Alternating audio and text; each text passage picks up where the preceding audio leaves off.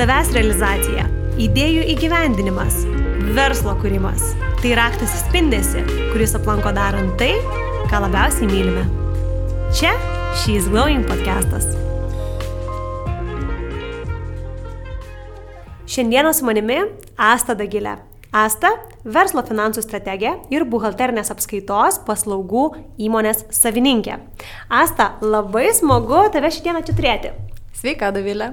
Asta, tikrai nesmeluosiu sakydama, kad nesi ta tokia, na, tradicinė, standartinė e, buhalterė ar verslo finansų ekspertė, ar ne? Nestandartinė ta prasme, kad esi iš ties labai labai charizmatiška ir dažnai laužanti standartus. Labai dėkoju, nes mano toks tikslas ir yra sulaužyti tą standartą, kad apie mokesčius, apie finansus, apie verslą reikia kalbėti tik labai rimtų veidų ir labai, labai nenu, neįdomiai ir nuobodžiai. Tai laužu šitą standartą. Asta, o man labai įdomu, ar tu visą laiką žinojai, kad būtent finansai yra tas rytis, su kuria tu nori sėti savo gyvenimą? Ha, ha, ha, žinoma, kad ne. Aš e, nuo pat vaikystės, nuo šešių metų grojau smūjų. Wow. E, mokiausi muzikos gimnazijoje Juozo Naujalio ir netgi studijavau muzikos akademijoje ir turiu solistės orkestrantės bakalauro išsilavinimą. Tačiau taip atsitiko, kad gyvenau ir dabar gyvenu verslioje šeimoje ir tiesiog dar bakalauro studijų metu pradėjau buhalteriauti savo šeimos narių versluose. Baigiau dviejų savaičių kursus, nes man ten labai reikėjo pačiai tvarkai įvesti vienam versle. Ir taip tapau buhalterį ir atradau tai, ko man labai trūko muzikoje.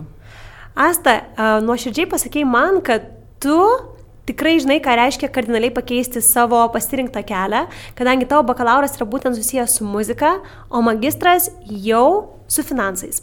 Koksai buvo jausmas padėti diplomą į stalčių, dėl kurio tikrai teko ilgus metus stengtis? E, jausmas buvo toks, kad e, aš buvau persisotinusi muzikos. Tos rimtosios, to tokio ūkdymo, to tokio mokymo ir aš košmarus dar sapnavau dešimt metų apie tą savo gyvenimo etapą, kiek daug įdėjau jėgų. Ir e, nesigailėjau niekada. Nesigailėjau ir to, kad turėjau tą išsilavinimą, nes tikrai labai daug pamačiau, keliavome, patyrėme, sutikome žmonių, tačiau grįžti atgal niekada nenorėjau. Iš kitos pusės supratau, kad keisti profesiją, padėti 16 metų savo darbo yra tikrai rimtas reikalas ir tikrai reikia atidžiai pagalvoti, ar negalima to transformuoti ir iš to visgi ateityje turėti naudos. E, kokie buvo tavo tėvų ar kitų aplinkinių žmonių žodžiai ar mintis, kai tu pasakei, kad nori, na, keisti kryptį? Palaikymas. Aš turiu pačią nuostabiausią šeimą, kurioje visada gaunu palaikymą. Nori groti, grok, nori skaičiuoti, skaičiuok, nori eiti į socialinius tinklus, sėkmės, nori mokyti, mokyk, nenori nieko daryk, nedaryk. Tikrai visada turiu palaikymą ir nebuvo kažkokių didelių nustebimų, nes aš šeimos versluose tvarkiau jau tą buhalterinę apskaitą, mačiau perspektyvą šitoje profesijoje, mačiau, kad galiu padaryti karjerą, mačiau, kaip man puikiai sekasi, tai jie tiesiog sakė, puiku, keliauk toliau mokytis ir tu viską gali. Na ir tuomet, kai tu nusprendai pasirinkti kitą kelią, ar ne, ir sėti savo gyvenimą su finansais, e, dabar šioje srityje esi jau daugybę metų, ar ne? 22. 22 metus esi šioje srityje. Tai per tuos metus, kiek kartų norėjai viską mesti ir pasakyti, viskas, užtenka? Tikrai ne kartą. Tikrai ne kartą. Na, mano būdui, tokiam temperamentui, visai tai mano sielai ofisas yra per mažas. Mhm. Ta reikia pripažinti, kabinetas yra per mažas. Aš e, turėjau ilgokai pavargti vargelį, kol supratau, ko man iš tiesų reikia, kas man pačiai yra labai svarbu kasgi manęs netenkina finansų srityje, buhalterijoje ir ko man reikėtų, kad aš čia galėčiau likti toliau. Ir tikrai prieš kokius e, keturis metus dėjau kryžių, pardavinėti jų įmonę norėjau ir sakiau viskas, nebegaliu, nebenoriu, ačiū viso gero. Ką veiksiu, nežinau. Ir tada toksai prisiminimas, kad ar tikrai ir vėl dar vieną padėsiu didelį, didelį kalną patirties ir įdirbio į dar vieną stalčių. Tai kiek tų stalčių man gyvenime reikės? Ir tada pradėjau ieškoti momentų, kas netenkina ir ko trūksta. Ir kaip padaryti, kad to, kas netenkina, nebūtų ir atsirastų tai, ko trūko. Fantastika. Galiu pasakyti tik tiek, kadangi aš prisimenu, kad lygiai tokią pačią turėjau situaciją, nepasatis, kad daugybę metų turiu vestuvių verslą ir po kurio laiko aš pradėjau suprasti, kad galbūt smulkmenų kažkokių detalių derinimas nėra visai mano dalykas, bet man patinka būtent ta didelė vizija, link ko mes einam įgyvendinti, visi šitie dalykai, ar ne, tai man labai rezonuoja tai, ką tu pasakoji, tačiau bent jau man asmeniškai tikrai reikėjo laiko ir geros savianalizės ir gero savęs pažinimo tam, kad tiesiog nuoširdžiai pasakyti, kas yra ir kaip aš galėčiau tai adaptuoti. Koksai buvo tavo procesas, kaip tu įsigryninai, na kągi reikėtų išmesti ir kągi reikėtų pridėti, kad galėtum jaustis tikrai laiminga.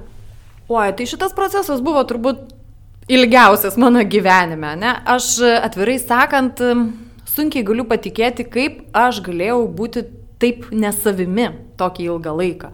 Nes aš labai sąžiningai, esu labai labai pareigingas žmogus ir mano žodis tai yra šventas reikalas, jeigu tai priklauso nuo manęs ir kiek tai priklauso nuo manęs. Ir aš turėjau tą viziją, kad buhalterė būtinai, kaip jau minėjau, taip, turi būti tokia griežta, rimta, kokie pajokavimai, kokie čia dar pa, pa, pafilmavimai, kokie tik tokai ir dar kažkas. Tai yra, turi būti labai rimtas žmogus, būtinai kalbėti mokesčių straipsniais ir niekada nesišypsoti. Ir aš stengiausi tokia būti, nuoširdžiai stengiausi, nes aš galvoju, tik tada mane vertins kaip gerą specialistą. Bet galiausiai išdrįsau pamėginti daryti kažkaip kitaip.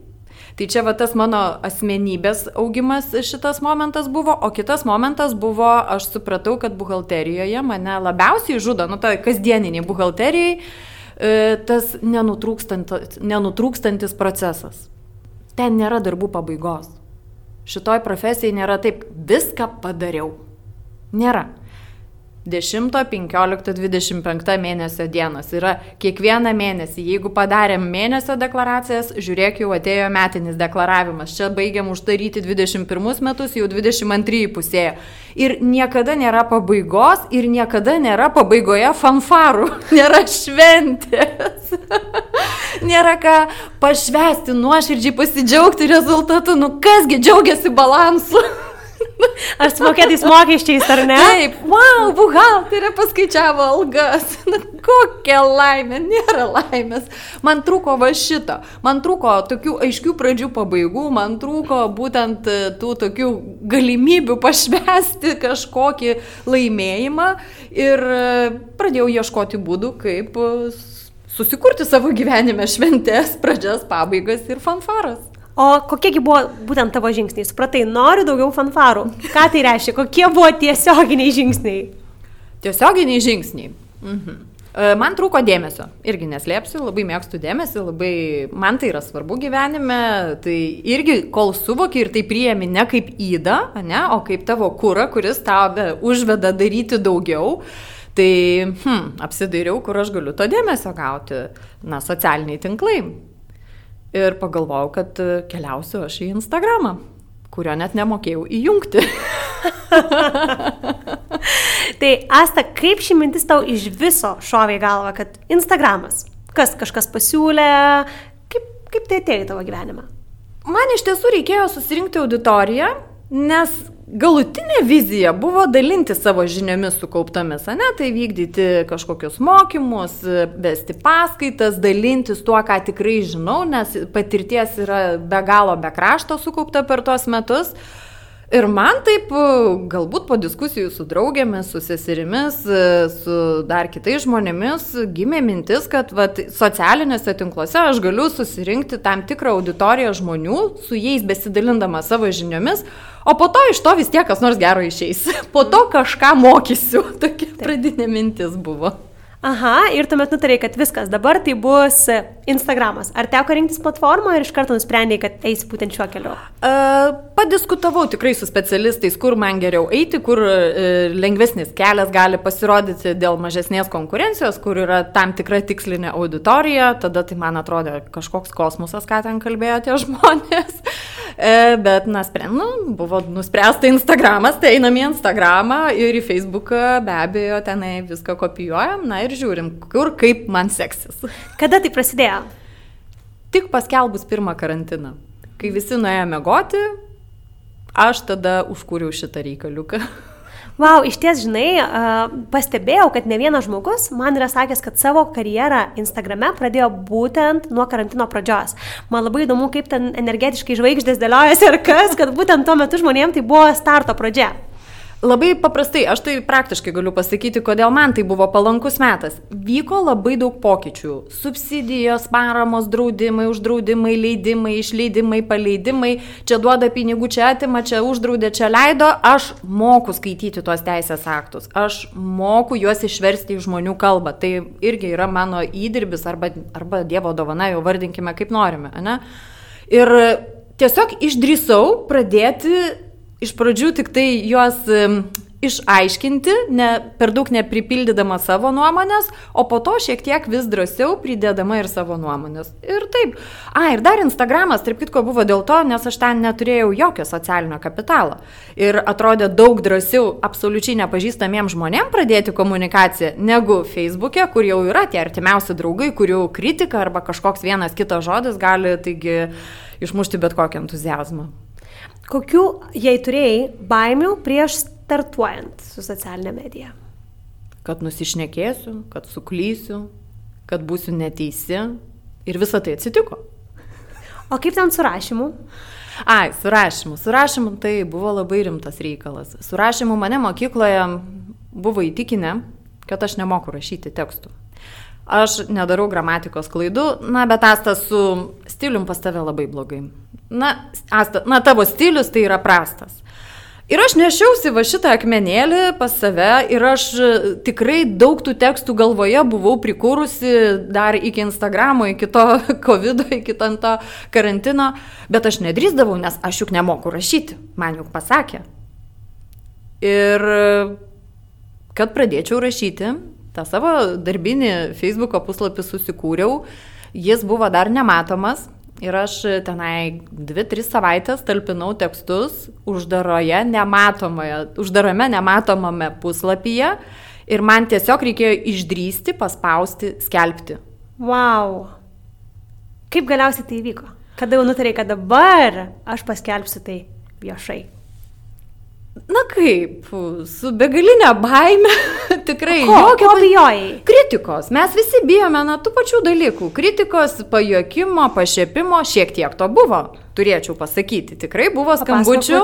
Taip, tikrai buvo skambutis iš mm, pažįstamos moters, kuri e, taip, tai ką, influencerė būsi? Taip sakau, būsiu. O kažkasgi turi, sakau, skleisti. Nieko, taip pašnekėjom, gal nuoširdžiai, gal ne, nežinau, bet va toksai ir taip yra sunku išdrysti iš tiesų, ne? Tai yra labai sunku e, paspausti tą mygtuką, paviešinti, prašyti draugų, kurie tave pažįsta, e, pasidalinkite, i, imkite mane ir skaitykite. Ir dar tada tokiu momentu labiausiai reikia tik palaikymo. Šaunuolė, tu gali, varyk pirmin O tokį abejojimą galbūt siūlyčiau palaikyti prie savęs, nors galbūt iš kitos pusės mane, kaip, kaip man tik tai trukdo, tai mane tik pastiprina galiausiai. Na, tą ateina tą dieną galbūt ir tapsiu aš tą influencerį. o Asta, dabar iš ties e, tikrai daug žmonių jau yra atradę tavo profilį, e, atpažįsta tave, žino, apie ką tu kalbė. Tačiau kiek laiko užtruko, kad jaustumės, kad nebekalbė su tuščiamis sienomis, kaip tikrai nutinka tik pradėjus vystyti socialinę mediją ir asmeninį prekinį vardą? Taip, tai va čia ir buvo įdomi dalis. Turiu labai nuostabės draugės ir sesės, kurios tikrai man pasakydavo, kada aš turiu pradėti kvepuoti darydama istoriją.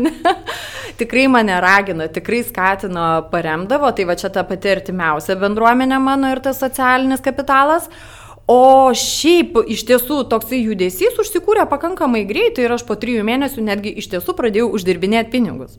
Wow, papasakok plačiau. Tiesiog prasidėjo pirmos konsultacijos, nes aš labai nuoširdžiai dalinausi viskuo, kas vyko. Įstatymų pakeitimai, mano išvalgos, mano visi įstatymų interpretavimai, paaiškinimai ir išvertimai žmonių kalbą ir žmonėm pasirodo tiko tai, ką aš kalbu ir jie pradėjo manimi tikėti kaip gera specialistė juos reikėjo tik įtikinti, aš ir esu gera specialistė. Taip. Ir tada jie pradėjo į mane kreiptis į individualias konsultacijas. Ir aš iš tiesų turėjau pradžiai tokią viziją, kad kol neturi 10 tūkstančių sėkėjų, nu kažkoks mistinis tas 10 tūkstančių, turbūt dėl e, linko opcijos tuo metu, kai buvau, Mhm. ne? Taip, taip, swipe up. Taip, taip, tai va, tuo metu negalėjome įdėti jokios nuorodos, tai va tas 10 tūkstančių atrodė kažkokia siekėmybė, kuria tada jau atsivers rojaus sodai ir jau aš tada jau pasirodo, va tada mano gyvenimas bus geras. Ne, pas mane ir tūkstančio turbūt sekėjų nebuvo, kai jau prasidėjo pirmieji užsakymai iš būtent tos platformos, kad aš pradėčiau dirbti su tai žmonėmis. Kaip dabar žvelgiant į va, dabartį, ar ne, e, tai kiek čia praėjo, trys metai? Du. Du metai. Nu, Visą labą du metai. Kaip socialiniai tinklai pakeitė tavo verslą? Įspūdingai. E, vėl, negali pasakyti, kad tik socialinis tinklas pakeičia, taip, nes aš ir priklausau bendruomenėm. Aš e, priklausau savo įmonės kolektyvui, kurie labai daug padaro, kad turėtume gerą atsiliepimą. Aš pati labai daug dirbu, ne tik socialiniam tinkle ir visur kitur, bet visas tas miksas ir visi tie įrankiai, kuriuos aš pasitelkiau, jie rodo puikius rezultatus. Mes tikrai augame, mes tikrai turime labai daug naujų klientų, tikrai turime kuo puikiausius atsiliepimus, labai stiprų kolektyvą ir, ir labai gerą komandą, kurią aš didžiuojuosi kiekvieną dieną. Tai, tai viskas, viskas eina tik į gerą, jeigu kalbėti apie įmonę. Bet iš kitos pusės įsijungia dar mano ir mokymus rytis. Ta vieta, kurioje aš absoliučiai kaifuoju. Aš absoliučiai esu savo rogėse, esu savo vietoje, nes aš turiu ką duoti žmonėm ir jiem tai svarbu ir reikalinga ir aš tikrai padedu. Tai va šitas momentas man yra tikrai labai svarbus. Astas savo socialiniuose tinkluose labai dažnai daliniesi tuo, kad tavo verslas pradėjo aukti, kai tu nustojai būti savo verslo darbuotoja ir tapai to verslo vadovė. Ar galėtum apie tai papasakoti plačiau? Žinoma, galiu. Ir dabar net susimašiau, kiek daug laiko man reikėjo, kad aš suprasčiau, kaip čia viskas veikia. Ane? Nes e, turiu tokią labai įdomią istoriją. Kai turėjau apie 3-4 darbuotojus, turėjome tų klientų apie 20 įmonių. Ir aš buvau labai įsitraukusi į tų buhalterinių paslaugų teikimą tiem klientam. Ir niekaip nesupratau, kaip čia tas mano verslas sustojo aukti. Na, kodėl mes čia neaugam, kodėl neateina tie klientai. Ir tada dar pastebėjau, kad pas mus atsiranda kai kur spragos. Nes e, kažkas lieka nepadaryta, kažką tenai nežinom, kas turi daryti. Tiesiog sugalvojau padaryti paprastą lentelę. Surašyti įmonių pavadinimus ir kitoje eilutėje surašyti darbus, kurie turi būti padaryti prie tų įmonių. Ir tikrai intuityviai arba iš to, kad jau kelis metus tikrai nemažai dėmesio skyriau savo kaip vadovės įgūdžių lavinimui, šalia savo profesinių tų augimo visų aspektų. Ir paleidau tą lentelę darbuotojams per rankas ir sakau, va, surašykite savo vardus į tas vietas, į tuos langelius, kur susikerta darbai, už kuriuos esate atsakingi toje įmonėje, na ir ta įmonė. Paleido tą lapą per darbuotojų rankas, jie supildė, kas kur jaučiasi atsakingas ir galiausiai gaunu aš tą lentelę, supildau savo vardą ir pamatau tokį dalyką, kad mano vardo ten yra tikrai per daug. Ir jeigu aš tiek daug skiriu laiko paslaugų teikimui, mano verslas niekada neauks. Dar blogiau buvo tuščių langelių, kur niekas nesijauti atsakingas. Ir tikrai ne ką mažiau mane liūdino langeliai, kur visi trys ar vos ne keturi žmonės susirašė, kad ten tai jau mes visi atsakingi. Tai tada, tai jau buvo senai prieš kelis metus ir aš tada iškėliau tikslą savo ir garsiai pasakiau tą įmonės kolektyvui, kad aš išeinu iš tos lentelės, aš nedalyvausiu šitose procesuose, tai yra jūsų darbas, o mano darbas bus auginti verslą ir auginti klientų skaičių. Ir kai jau aš buvau išėjusi iš tos lentelės, kurioje visi dabar, kurią turime iki šiol, jinai labai paprasta, bet labai aiški, visi žino, kas už ką atsakingas. Kai aš nebuvau toj lenteliai, tada aš išėjau į socialinius tinklus, nes man reikėjo rasti klientų. Ir kaip viena iš nišų, aš pamačiau, kad tai yra pakankamai įdomu ir perspektyvu per socialinius tinklus atsivesti tuos klientus, parduodant save kaip asmenybę. O Asta, ar turėjai kažkokių, nežinau, blokų ar minčių, kai nutarėjai, kad, na, aš dabar nuo tų kasdienių darbų atsitrauksiu, nes čia yra dažnas dalykas, kurį aš girdžiu. Ir dažniausiai girdžiu kažką panašaus, kaip kad kiti nepadarys taip gerai, aš turiu, nežinau, kažkoks nenorėjimas paleisti galbūt kontrolės, įvairūs tokie dalykai. Tai žinoma, nepadarys taip gerai kaip aš. Jeigu galėtų, tai tada padarytų. Ir padarys kitaip, netgi. Ir padarys geriau. E, didžiausias stabdis man kaip šalto proto žmogui ir žmogui dirbančiam su skaičiais buvo finansai. Taip, tai yra kaip suskaičiuoti, kaip padaryti, kad visą tai uždirbtų pinigų visiems. Tai va šita vieta pareikalavo labai daug darbo, pareikalavo labai daug e, vėl informacijos kaupimo, rinkimo, skaičiavimo, gerbėmieji, skaičiuojam, skaičiuojam, taip.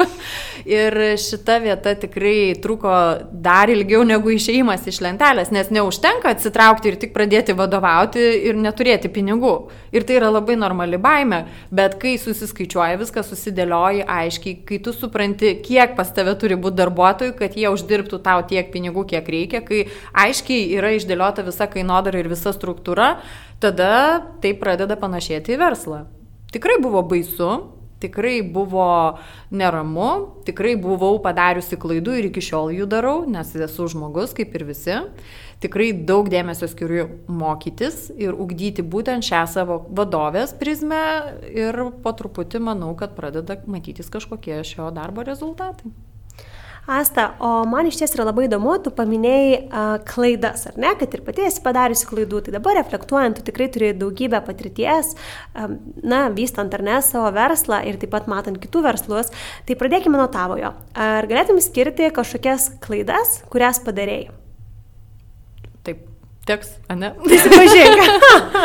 tai va, net Asta, ne žmogus, kuri visus bara už tai, kad e, neskaičiuoja, net aš kainas nustatydavau iš intuicijos, turbūt, ne? Nepasitelkdavau logiško paaiškinimo, kodėl yra vienokia ar kitokia kaina. Girdėta, ne? O, taip. O, Klasika. Taip, taip. E, tikrai pasižiūrėdavau, kas yra rinkoje. E, o kolegė, o tu už kiek darytum tokį darbą? Ir aš nebuvau viso to suskaičiavusi. Galiausiai įsivedėm CRM, susiekėm laiką, skaičiavome kelis mėnesius, pamatėme nuostolingus klientus. E, jie labai džiaugsmingai sutiko mokėti adekvačią kainą už paslaugas ir viskas sustojo į savo vietas. Tai iš tiesų ir po to galiausiai netgi kainodarą privedėm prie dokumentų skaičiaus, kas irgi yra sąžininga tiek mūsų, tiek klientų atžvilgių. Lygiai tą pačią klaidą buvau padariusi pati ir didžiąją dalį komunikacijos ir sudaro per save perkoštos klaidos. Lygiai taip pat iš darbuotojų bandžiau padaryti tai, ko reikia man ir bandydama jiem primesti savo sugalvotas kažkokias vertybės. Nes e, kažkodėl galvodavau, kad visi žmonės tokie kaip aš. Na, vėl tam reikėjo laiko susivokti. E, man labai daug laiko reikėjo suvokti, kad geriau yra išnaudoti stipresias darbuotojo savybės, o nelaužyti jį daryti taip, kaip aš sugalvojau. Tai vad, dariau ką ir netekau gerų darbuotojų. E, dariau klaidas, kokias darom. Tikėjausi, kad žmonės, e, dar kartą, žmonės tokie patys kaip aš ir pasakys atvirai, jeigu jiem kažkas yra negerai, bet žmonės nepasako. Deja, tai tiesiog turi kaip tas detektyvas žiūrėti nuotaiką, stebėti emociją, kažkokius mikro pokyčius išvelgti veide, elgsenoje, komunikacijoje, e, po to kažkaip per aplinkui paklausti ir galbūt vienas tiesiai šviesiai pasakys paklaustas, o kitas ir prie sušaudimo sienos pastatytas neprisipažins. Tai labai daug įdėjau į žmonių supratimą investavau e, iš savo pusės laiko ir labai daug sėmiausi žinių, kad galėčiau aš suprasti, kodėl tie žmonės nesielgia taip, kaip aš noriu, kodėl jie elgesi kažkaip keistai. Na, pasirodo, jie tiesiog kiekvienas elgesi taip, kaip jam yra geriausia ir priimtiniausia. Asta, labai ačiū už tokį nuoširdų prisipažinimą ir tikrai pritariu tau, kad labai dažnai ir socialiniai medijoje, ir iš esmės bendraujant su klientais, mes galim remtis patirtimi ir tikrai dažnai, kai aš kalbu su klientėmis, e, aš jas taip gerai suprantu, nes aš galvoju, aš pro tai praėjau, aš žinau, aš praėjau, padariau kiekvieną iš tų klaidų, kurias dabar matau, tai labai smagu, kad ir tu nenori nupiešti kažkokią, nežinau, tobulą paveikslą, bet atvirai kalbėjai apie tai, pro ką reikėjo praeiti, dėl to, kad nepaslaptis, kad visos tos klaidos augina. Tad, tęsiant klaidų temą, labai noriu paklausti ir apie klaidas, kurias tu pamatai pas klientus. Tai vardu ir pavardžių nebūtina minėti, bet ar galėtum pasidalinti, tikrai matai begalės įmonių finansinės ataskaitas ir panašius dalykus. Tai ką ten pamatai, ką blogo pamatai? Blogą aš matau, žinok, labai iš toli. Taip jau yra, su mano patirtimi kartais juokiamės. Man tik pasakykite, kokiam sektoriuje jūs dirbate. Ir aš pasakysiu, kas pas jūs yra blogai. Iš karto. Nes tai jau yra e, aplinkybių visuma, jūs verčia turėti tas problemas. E, tai blogai man atrodo labai, kai žmonės e, stato verslą ant nestabilių pamatų ai čia gal truputį apeisiu mokesčius, ai čia truputį gal kažką numuilinsiu ir jie bando iš to kurti verslą. Ir aš sakau, ant ko? Na, ta prasme, ant kramtomos gumos, nu yra kitas žodis, ant kramtomos gumos mes kabiname, statome pagrindą to, kas turėtų tau ateityje generuoti pastovės pajamas ir viską. Jeigu tavo verslas neveikia baltai, tai klausimas, kiek ilgai, kiek tai yra ilgamžiškas verslas. Tai va, va šitas kampas man labai labai kliūna. E, be abejo, tokių įdomesnių, iš įdomesnių nuotikių, tai va, nesenai kreipėsi moteris, tai tikrai jokių pavadinimų nieko. Tris metus vykdoma prekyba, mažmeninė, su kasos aparatais, su darbuotojais ir nėra buhalterio. Man čia yra kosmosas. Man tai yra tikrai absoliutus kosmosas. Nes, na, tai yra įmonė, tai yra juridinis vienetas, čia yra tokios atsakomybės, čia yra tokios sumos pinigų ir čia yra, čia yra toks, nežinau, naivumas. Jau, jau kitaip neįvardinčiau šitokių dalykų. Kokios dar klaidos? E, mačiau ir 2008 metų krizę tą, tai ten tikrai labai daug ko pasimokiau, tai buvo labai senai, ne, daug kas pasakys netiesa. E, turėjom netgi bankrotus, Ir iš tiesų bankrotas, aš jums noriu pasakyti, gerbėmė, yra labai prabangus reikalas. Ir kai kartai žmonės sako, ai, bankrutuosiu. Brangutis, sakau, tu neturi tiek pinigų, kad, kad gautum šitą malonumą. Bet iš esmės aš sakyčiau, turbūt, kai mes prarandam ryšį su žeme, ne, ir skolinamės tiek, kiek mums duoda, ir leidžiam tiek, kiek tik tai širdis geidžia, ir absoliučiai E, esame priklausomi nuo išorinių kažkokių faktorių, nuo bankų, nuo kredito įstaigų, vieną dieną tie kraneliai gali būti uždaryti ir tada viskas griūna. Mhm. Ir tada viskas griūna. Tai e, tam tikrame etape geras etapas būna, ne, kol mes ateiname į kitų bankroto, o po to būna sunku. Iš principo, bankrotas aš mačiau, ką dar. Jisai nėra pasaulio pabaiga, nes visi tie žmonės, kurie bankrutavo, jie vis tiek neina dirbti darbo darbe. Na, tai arba esi verslininkas, arba esi darbuotojas, ne? Jie yra verslininkai, jie pasinaudoja įstatymo suteiktą teisę, ne? Nes matai, kad nu, nebeįmanoma viso to išvairuoti į kažkokį protingą ir visiems tinkamą rezultatą. Jie visi bankrutavo, jie visi atsigavo ir jie vis tiek sukūrė verslus ir dirba toliau. O kas, kaip tai atrodo? Kas nutinka žmogui, kai jis vat, nutarė bankrutuoti? Kodėl sakai, kad tai yra didelė prabanga? Tai brangus malonumas, nes bankruoto administratoriai jie kainuoja, jie kainuoja mhm. daug ir aplamai mes turime suvokti tokį dalyką, kad jeigu mes turime įmonę, nors ir kalbame, kad tai yra ribotos atsakomybės juridinis vienetas, tai yra atsakome tik įmonės turtu, Lietuvos teismai turi labai šaunę praktiką galiausiai nukreipti visas skolas į vadovo į įmonės vadovo sąskaitas. tai tai vat, apie tai ir kalbame, kad nesvarbu, kad tik įmonė bankrutavo, jeigu teisme yra įrodoma, kad buvo nesilaikoma įstatymų, o įstatymų, žinai, pakankamai sudėtinga laikytis, nes jų yra labai daug, randama prie ko prikipti e, ir galiausiai tai gali atsikrešti prieš patį vadovą. Plus dar labai brangiai, nes kainuoja administratoriai bankroto. Tai iš principo aš tik ką noriu pasakyti, kad e, žmonės labai pergyveno. Tikrai, jie labai tą išgyveno, jiems buvo labai sunku, aš tada buvau tas toksai šalto proto dušas, kuris sako, okei, okay, žiūrėkit, dabar darom taip, dabar darom taip, na, kažkaip kažką turime padaryti, kad išgyventume tą etapą, taip. E, bet galiausiai vis tiek visi atsigavo. Tai va tik noriu pasakyti, kad e, labai dažnai žmonės aplamai laikų neišeina iš verslo, čia vienas dalykas, ne? neturi išeimo strategijos, neturi ribos, kada vat, yra ne taip gerai arba yra taip blogai ir aš jau dabar išeisiu. Ne, išeisiu. Nu, turi būti tas taškas nustatytas, planuojant verslą, kaip turi sektis arba nesisekti, kad aš sustočiau ir sakyčiau gana. Tai yra ne ta vieta, ne, kurioje aš uždirbsiu kurioje aš galiu daryti verslą. Tai žmonės vieną klaidą padaro, laiku neišeina, o antra klaida, kurią žmonės padaro, tai aplamai susitapatina su šitu bankrotu, su tą nesėkme ir tada pradeda kažkodėl galvoti, kad jie yra netikę. Kamon, žmonės, jau negryšiu, nekalbėsiu tų, nevardinsiu skambių žmonių pavardžių, ne, kurie yra ir bankrutavę, ir pralaimėję, ir, ir bandė milijonus kartų. Ne, man tiesiog šitoj vietoj nepasisekė. Tiesiog susiklostė tokios aplinkybės. Visos tos lavinos, visos tos bangos žmonės tikrai tampa aplinkybių aukomis. Ne visi turi tiek resursų, vidinių energijos, finansų iš, išvairuoti visas situacijas ir, ir išplaukti. Nepavyko. Tu gavai tokią pamoką, kokios jokiam universitete tau neduos. Joks konsultantas, joks ekspertas tau to neišpasakos. Jau tada pats žinai savo kailių patyrį, tai yra pačios geriausios pamokos. Tai jau su tokia patirtim tu esi daug pranašesnis už visus kitus, ypač už naujokus, kurie, na, turi tik tais tokias gražias iliuzijas verslą, ne, ir romantikos dvelgsmą, ir, ir nesuvokia tikrosios verslo rizikos ir, ir prasmės. O kokia tavo nuomonė yra ženklai, kad galbūt atėjo metas atsisveikinti su verslu? Ar reikėtų remtis tik tai skaičiais, o gal ieškoti ir kažkokių emocijų? Emocinių ženklų. Aš ir vėl kalbu, kad turi būti visuma. visuma. Gerai, aš e, savo vieną verslą uždariau, kai jisai buvo netgi nenostolingas.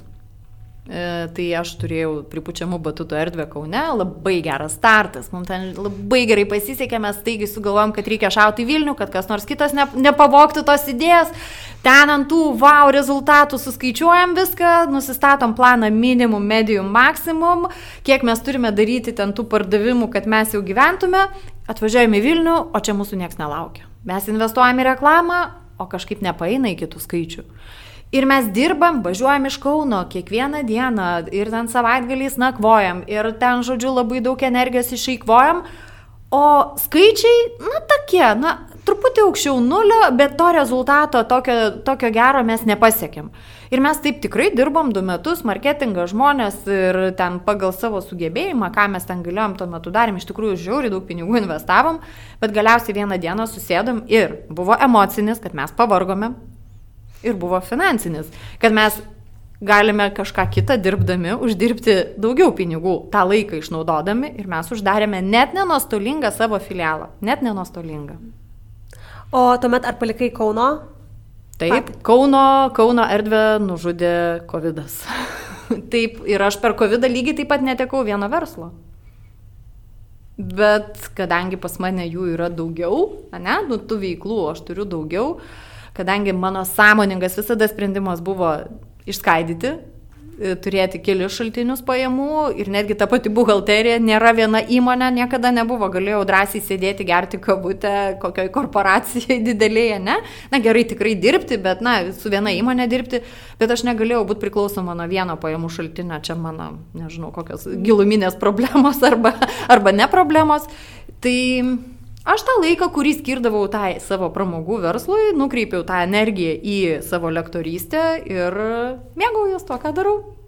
Fantastika, Asta, iš ties, kai tu kalbė, e, regis, kad esi visiškai savo vietoje ir tikrai tau patinka tai, ką tu darai, tačiau dažnai žmonėm, kurie labai myli savo veiklą, gali vis tiek nutikti toksai, na, dalykas vadinamas perdegimu. Susidūrusi? Labą dieną, aš Asta ir aš esu darboholikė. Šitas mano tekstas labai surezonavo daugeliu žmonių. Nes be abejo esu perdegusi. Esu perdegusi versle, esu perdegusi socialinių medijų komunikacijoje, esu perdegusi Instagrame, nes turiu padaryti į savaitę tris postus ir į dieną ten tris kartus storius, nes aš privalau, kol supranti, čia balansai prasidėjo, čia gal dar vaikai, gal dar šeimoje kažkas atsitinka ir vieną dieną tu supranti, kad jau nebenori nieko matyti nei tų vaikų, nei tos šeimos, nei tų socialinių tinklų ir jau visi yra priešai ir, ir, ir, ir užlūžimo, aš tai vadinu, ne? Tai yra labai puikiai visiems pažįstama, lygiai taip pat ir man. Ir man reikėjo pereiti tą suvokimą, kad komunikuodama socialiniai medijai aš nesu pasirašiusi nei vienos sutarties, realiai, ne? Tai reiškia, aš niekam, nieko nesu įsipareigojusi ir neprivalau. Aš gyvenime privalau dviem žmonėm, tai savo vaikam. O visi kiti, ką gauna, tai yra jau mainai. Tokie energetiniai mainai, finansiniai mainai, jau ten tų mainų visokių formų gali būti, ne, dėmesio ir viso kito. Ir kai aš priemiau tai, kad jeigu aš nenoriu daryti storių, tai aš jų ir nedarau. Jeigu aš negaliu jų padaryti, tai ir nesidalinu.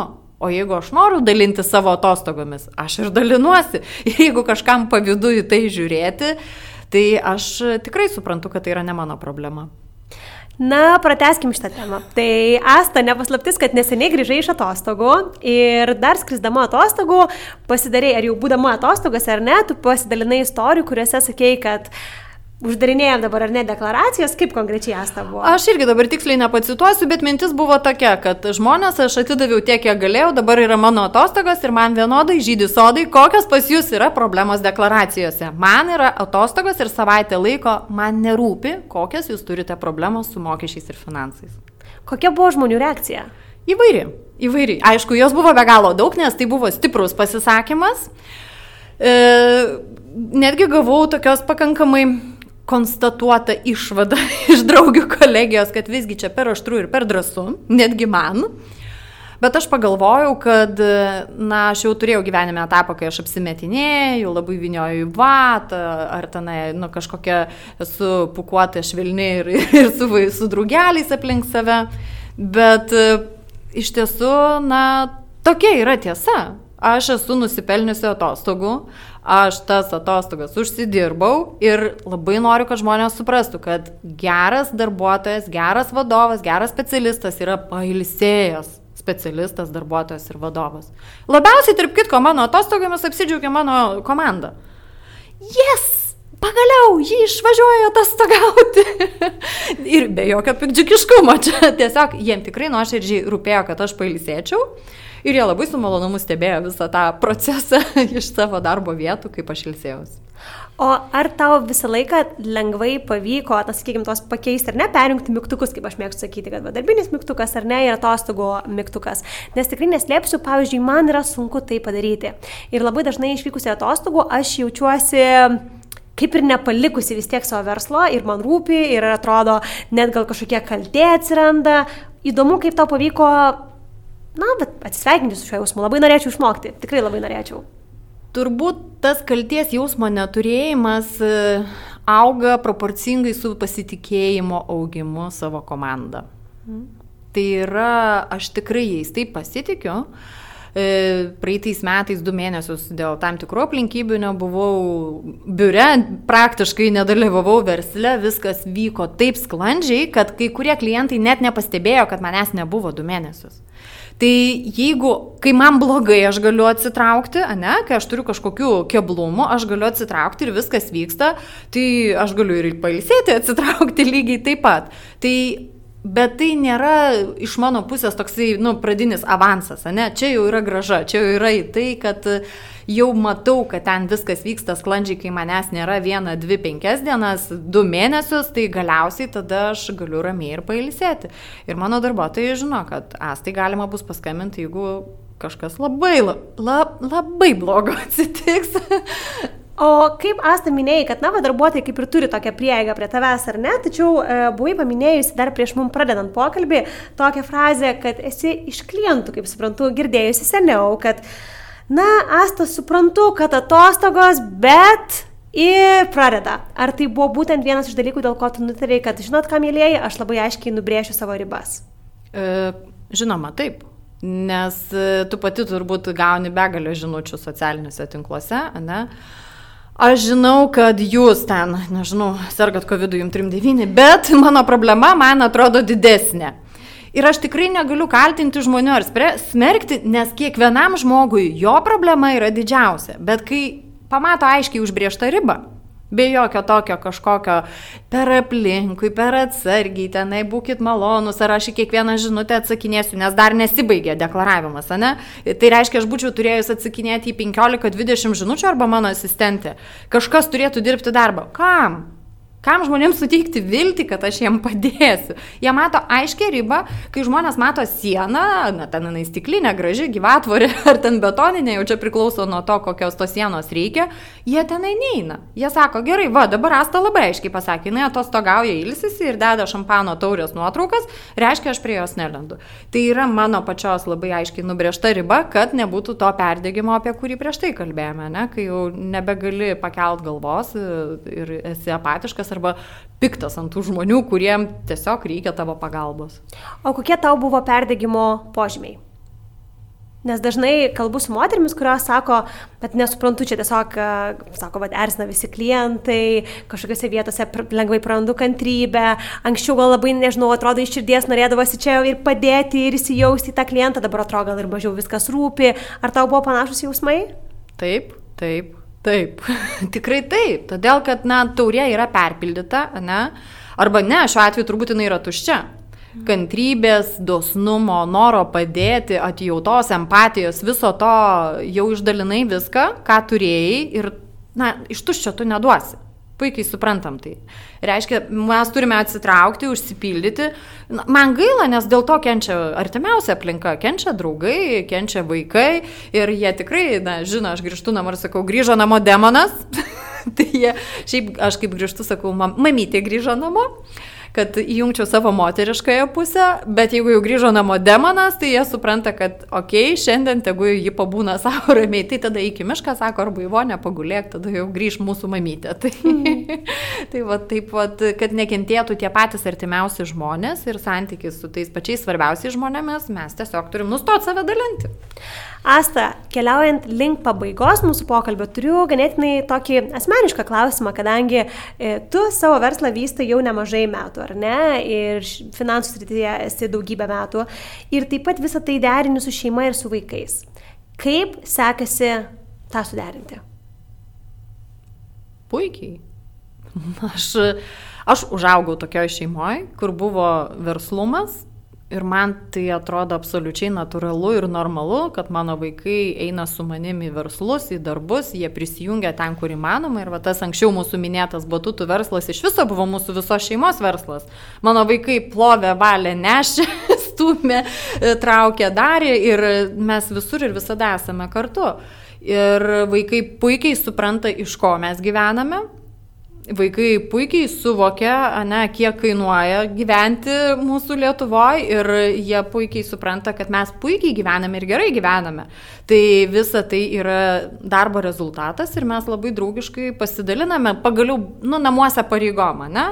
Jeigu aš turiu konsultacijas, o vienam vaikui mažajam, kuriam yra 10 metų, yra varžybos kur nors rajone, Tai mes labai greitai operatyviai susiskambinam, tai yra dėdės, yra dėdukai, močiutės, yra visa ta plačioji šeima, kuri tu tik asta dirbk, o mes čia viską padarysime.